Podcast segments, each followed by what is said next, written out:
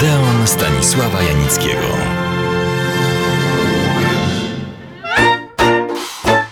Nawet w najpoważniejszych, najbardziej szczegółowych, najbardziej, przepraszam, opasłych encyklopediach nie znajdziemy hasła film zwariowany. Zapewne nie jest to określenie nadmiernie eleganckie, co jednak ważniejsze, niezbyt precyzyjne, a tym samym nie kwalifikujące się do rozważań na serio. Zgoda. W końcu film każdego gatunku, żeby nieco uogólnić, może być zwariowany. Burleska z natury rzeczy.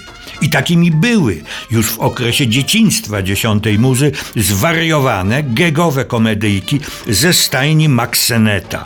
Stajni, w której wszak i przyszły geniusz filmu Charles Chaplin debiutował.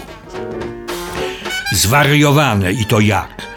Były komedie braci Marx.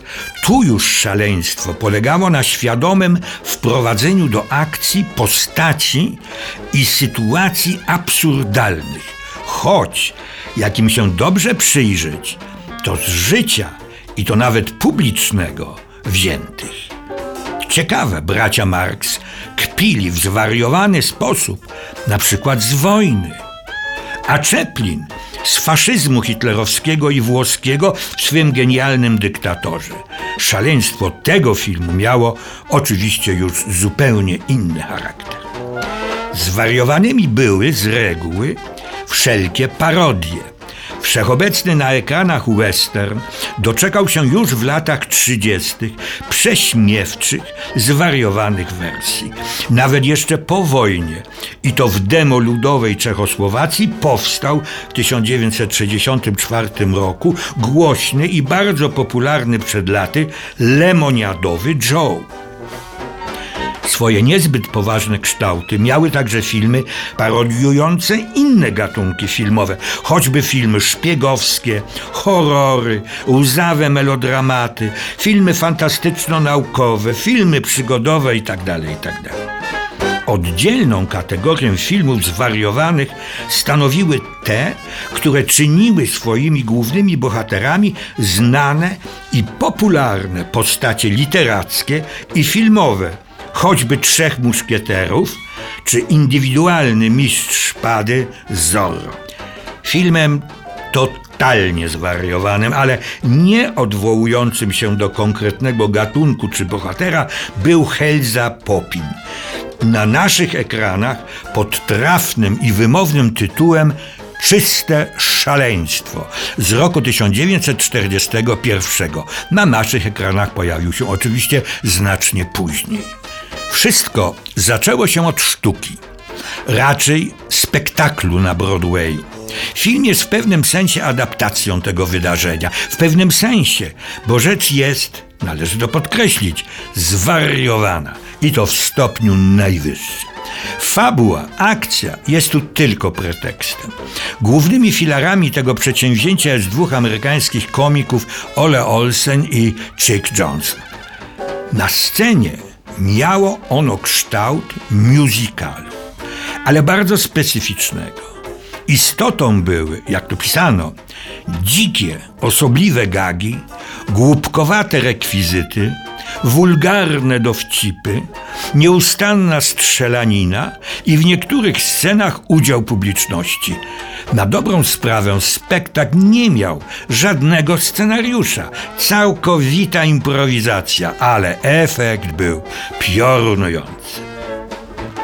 Zainteresowała się nim wytwórnia Universal.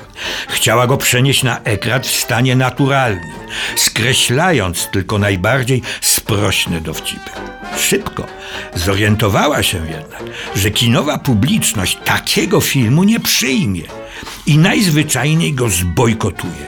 A na to żadna, szczególnie hollywoodzka wytwórnia nie mogła sobie pozwolić. Zażądała napisania klasycznego scenariusza. I tak głównymi bohaterami stali się producent przedstawień estradowych i dwie dziewczyny, no wiadomo o czym marzące.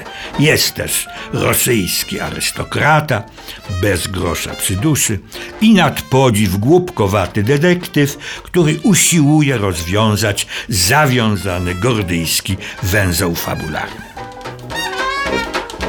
Ale nie fabuła jest w tym filmie ważna, ale szalone, zwariowane pomysły.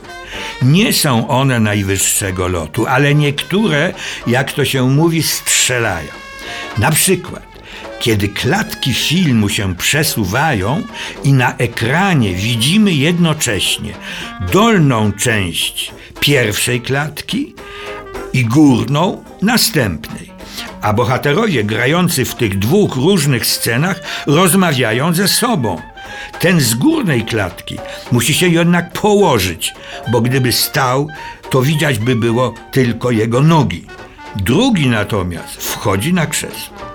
Często komicy autorzy nawiązują do głośnych filmów dawnych i aktualnych. A takim filmem był m.in. Obywatel Kane, arcydzieło debiutującego nim Orsona Wellesa. Jak pamiętamy, ważnym rekwizytem są sanki, różyczka. W czystym szaleństwie jeden z bohaterów znajduje je i ze zdziwieniem mruczy. A ja myślałem, że oni je spalili. A za tydzień opowiem Państwu nie o jednym zwariowanym, szalonym filmie, ale o całej ich serii, które przez wiele lat królowały na telewizyjnych i kinowych ekranach. Serdecznie do Odeonu zapraszam.